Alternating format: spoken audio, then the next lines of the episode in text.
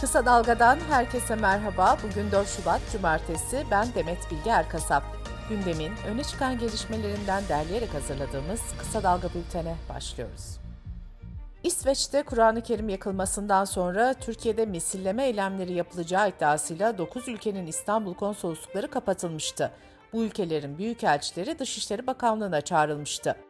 Dışişleri Bakanı Mevlüt Çavuşoğlu konsoloslukların kapatılması ve büyükelçilerin çağrılması ile ilgili şu açıklamayı yaptı. Somut bir bilgi paylaşımı yok, istihbarat paylaşımı yok. Burada bu açıklamaların maksatlı olduğunu düşünüyoruz. Türkiye istikrarsız, Türkiye'de terör tehdidi var imajı vermek istiyorlarsa bu dostluğa da sığmaz, müttefikliğe de sığmaz. Hangi açıdan bakarsanız bakın bu kapatma eylemleri maksatlıdır. İçişleri Bakanı Süleyman Soylu da konsoloslukların kapatılmasını psikolojik harp olarak yorumlamıştı. Bakan Soylu dün yeni bir açıklama yaparak ABD Büyükelçisine şöyle seslendi. Amerikan Büyükelçisine söylüyorum. Hangi gazetecilere yazı yazdırdığını biliyorum. Pis ellerini Türkiye'nin üzerinden çek. Türkiye'yi nasıl karıştırmak istediğinizi net bir şekilde biliyorum. Bu arada bir ABD savaş gemisi İstanbul'a gelerek Dolmabahçe açıklarında demirledi. ABD Büyükelçisi Flake gemiye ziyarette bulundu. Büyükelçi ziyaret sırasında yaptığı açıklamada Türkiye ve ABD iyi birer müttefik, burası muhteşem bir şehir dedi. CHP Genel Başkanı Kemal Kılıçdaroğlu, Millet İttifakı'nın adayıyla ilgili tartışmalar üzerine 6 lider mutabakat içinde adayı belirleyecek dayatma yok dedi. CHP lideri ayrıca ismim üzerinde mutabakat olursa bu görevi yapmak onurlu bir şey diye konuştu.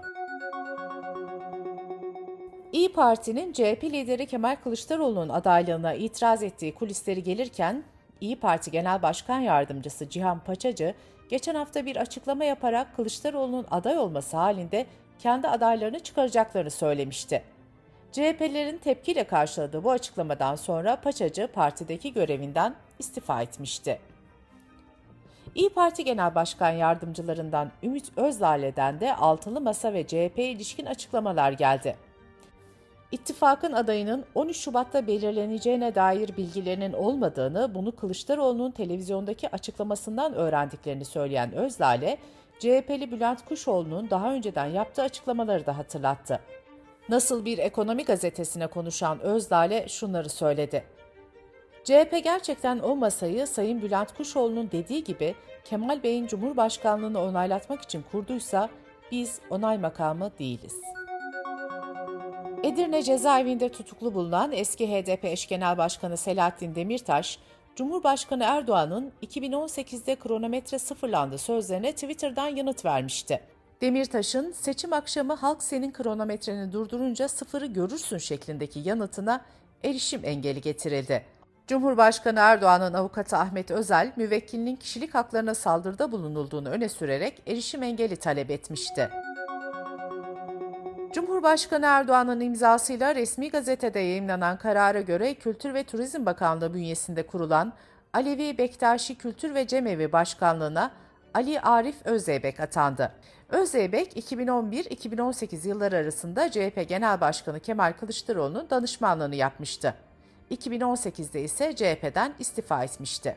Daha sonra AKP'ye katılan Özeybek son olarak İçişleri Bakanı Soylu'nun danışmanlığı görevini yürütüyordu.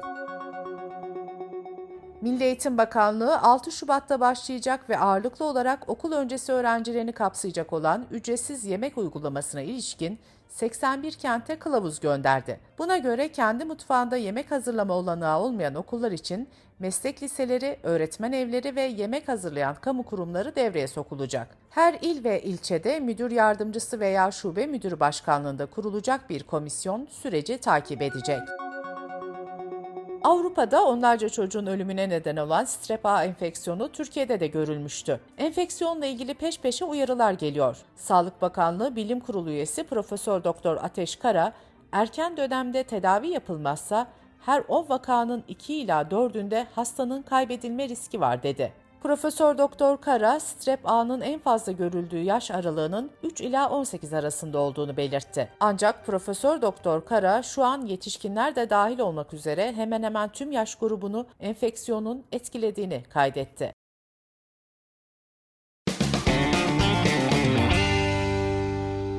Kısa Dalga Bülten'de sırada ekonomi haberleri var.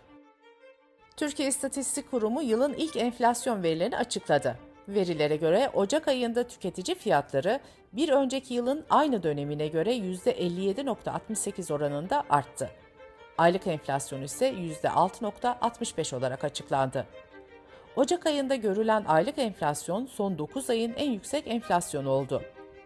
Ekonomistler Ocak'ta enflasyonun aylık %3.8 oranında artmasını bekliyordu. Yıllık enflasyonun ise 53,5'a gerileceği hesaplanmıştı. Hazine ve Maliye Bakanı Nurettin Nebati enflasyon oranını şöyle yorumladı. Mevcut veriler enflasyonda en zorlu dönemi ardımızda bıraktığımızı, önümüzdeki ayların çok daha iyi olacağını işaret etmektedir. Enflasyon araştırma grubuna göre ise Ocak'ta enflasyon aylık %9.26, yıllık ise %121 oldu. Türkiye İstatistik Kurumu 2023 yılı için enflasyon sepetinde yer alan ürünleri ve ağırlıklarını da güncelledi. TÜİK'ten yapılan açıklamaya göre 2023 yılında tüfe mal ve hizmet sepetine yeni giren tek madde penye kadın taytı oldu. Sepetten çıkan maddeler ise şöyle sıralandı. Kakaolu toz içecek, pamuklu kumaş, çocuk gömlek, plastik mutfak eşyaları, hastane yatak ücreti ve kültürel faaliyetler. Emeklilikte yaşa takılanlarla ilgili düzenleme Meclis Plan ve Bütçe Komisyonu'nda kabul edildi. AKP Grup Başkan Vekili Mustafa Elitaş, teklifin salı günü genel kurulda görüşüleceğini ve muhtemelen aynı gün yasalışacağını söyledi. AKP Manisa Milletvekili Uğur Aydemir ise EYT konusunda aylık bağlama oranları ile ilgili şu açıklamayı yaptı. Ortalama aylık tutarı SSK'dan emekli olacaklar için 7797 lira. Bağkur'dan emekli olacaklar için ise 5811 lira olacak. Emekli sandığından emekli olacaklar için 12.389 lira olarak hesaplandı. Bunların ortalaması ise 8.733 lira. Amerika Merkez Bankası'nın ardından Avrupa Merkez Bankası yüksek enflasyona karşı faiz yükseltme politikasını sürdürdü.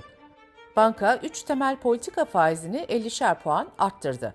Bankanın son kararıyla faizler 2008 Kasım ayı sonrasının en yüksek seviyesine çıktı. İngiltere Merkez Bankası da 50 bas puanlık artışa giderek faiz oranını %4'e çıkardı. Bankanın bu kararı sonrası faiz oranı son 14 yılın zirvesini gördü. Dış politika ve dünyadan gelişmelerle bültenimize devam ediyoruz. Amerika'da her iki siyasi partiden senatörler ABD Başkanı Joe Biden'a mektup yazarak Türkiye F-16 satışının İsveç ve Finlandiya'nın NATO'ya katılım protokolleri onaylanana kadar geciktirilmesi çağrısında bulundu. Senatörler iki ülkenin iyi niyetli çaba göstermesine rağmen Türkiye'nin protokolleri onaylamadığını savundu. ABD Dışişleri Bakanlığı Sözcüsü Ned Price ise senatörlerin mektubuna yanıt verdi. Ned Price, Başkan Biden Türkiye F-16 tedarikini destekliyor. Türkiye elbette bir NATO müttefiki ve meşru güvenlik kaygıları var yorumunu yaptı.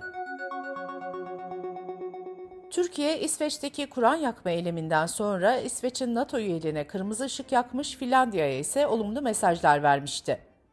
NATO'ya üyelik başvuruları Türkiye'nin onayına takılan İsveç ve Finlandiya'nın başbakanları Stockholm'de bir araya geldi. İki lider görüştükten sonra ortak bir basın toplantısı düzenledi ve NATO'ya üyelik sürecini birlikte götürmeye kararlı olduklarını vurguladı. ABD Savunma Bakanlığı Pentagon, ülkenin üzerinde uçan Çin istihbarat balonunu tespit ettiklerini açıkladı.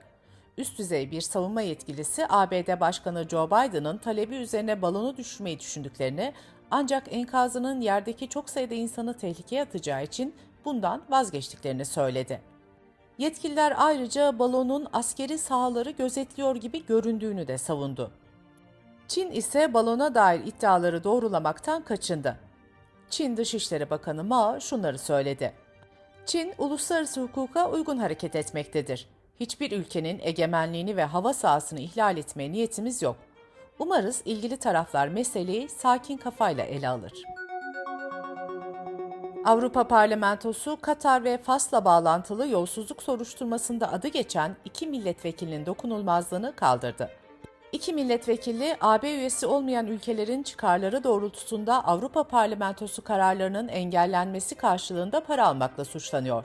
Her iki milletvekili de suçlamaları reddediyor. Uydu izleme firması Leolabs, ıskartaya çıkarılmış iki uzay aracının birbirlerini 6 metre farkla ıskaladığını açıkladı. Independent Türkçe'nin haberine göre çarpışma, Sovyetler Birliği'nden kalma bir roket gövdesi ve casus uydu arasında meydana gelecekti. Şirketin açıklamasına göre ise 27 Ocak'ta iki nesne arasındaki mesafe sadece metrelerle ölçülür hale geldi. Ancak neyse ki çarpışma gerçekleşmedi. Uzmanlar böyle bir çarpışmanın dünya yörüngesinde binlerce tehlikeli parçanın ortaya çıkmasına neden olacağını söylüyor. Bültenimizi kısa dalgadan bir öneriyle bitiriyoruz. Eşit Haklar İçin İzleme Derneği ve Kısa Dalga İşbirliği'nde hazırlanan Yasaksız Meydan'da İnsan Hakları hukukçusu Beril Önder, Avrupa İnsan Hakları Mahkemesi'nin Oya Ataman grubu davalarını ve Kural 9.2'yi anlatıyor. Yasaksız Meydanı kısa dalga.net adresimizden ve podcast platformlarından dinleyebilirsiniz. Gözünüz kulağınız bizde olsun. Kısa Dalga Medya.